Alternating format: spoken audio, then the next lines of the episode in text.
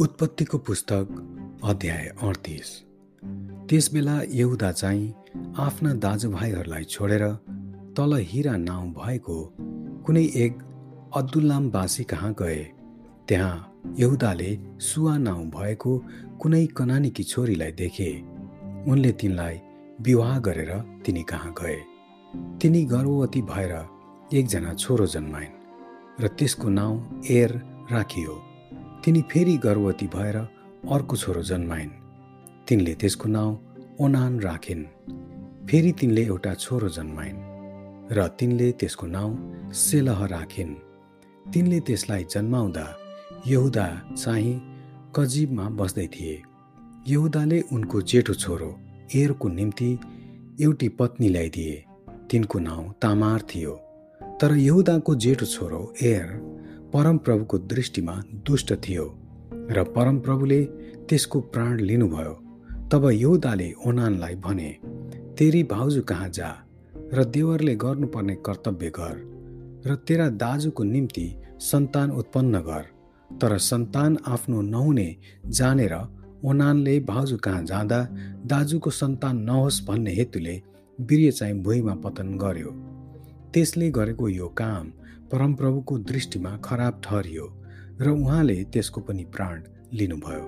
तब यहुदाले आफ्नी बुहारी तामारलाई भने मेरो छोरो सेलह ठुलो नहुन्जेल विधवा नै भएर तिम्रा बुवाको घरमा बस किनभने सेलह त्यसका दाजुहरू जस्तै मर्छ कि भनेर उनी डराए। यसकारण तामार गएर आफ्नो माइतमा बसिन्।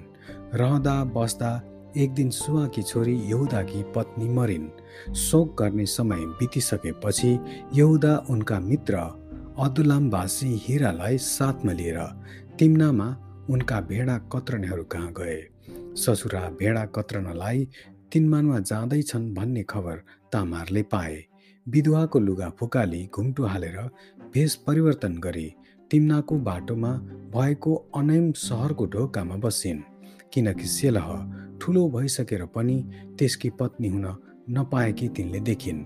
तिनले मुख छोपेकी हुनाले यहुदाले तिनलाई देखेर बेस्या भन्ने ठाने सडकको किनारमा गएर उनले तिनलाई भने लौ मलाई तिमी कहाँ आउन देऊ? किनभने आफ्नै बुहारी हो भनी उनलाई थाहा थिएन। तिनले भनिन् तपाईँ म कहाँ आउनुहुन्छ भने मलाई के दिनुहुन्छ? उनले जवाफ दिए बगालबाट म तिमीलाई एउटा पाठो दिन्छु। तिनले भनिन् तपाईँले त्यो नपठाउन्जेल मसँग केही चिज बन्दकी राख्नुहुन्छ कि? यहुदाले भने म के बन्दकी राखौँ?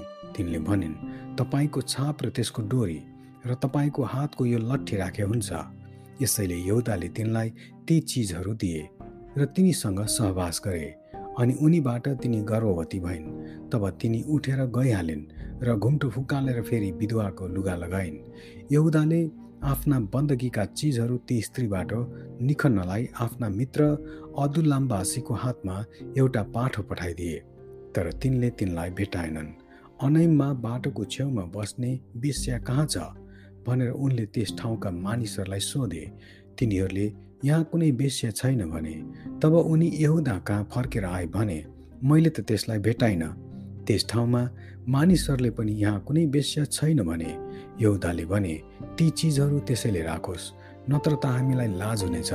हेर मैले यो पाठो पठाएकै हो तर हामीले त्यो त्यसलाई भेटाएनौँ। प्राय तिन महिनापछि तिम्री बुहारी तामार बेस्याकी चालमा चलेकी छे र बेस्यापनबाट गर्भवती भएकी छे रे भन्ने खबर यहुदालाई सुनाइयो। तब यहुदाले भने त्यसलाई यहाँ ल्याएर जलाइदियो। तिनलाई त्यहाँ ल्याउँदै ल्याउँदै तिनले आफ्ना ससुरालाई यसो भनी पठाइन् यी चिजहरू जसका हुन् तिनैबाट म गर्भवती भएकी हुँ। अनि तिनले भनिन् हेर यो छाप यो डोरी र यो लट्ठी कसका हुन्?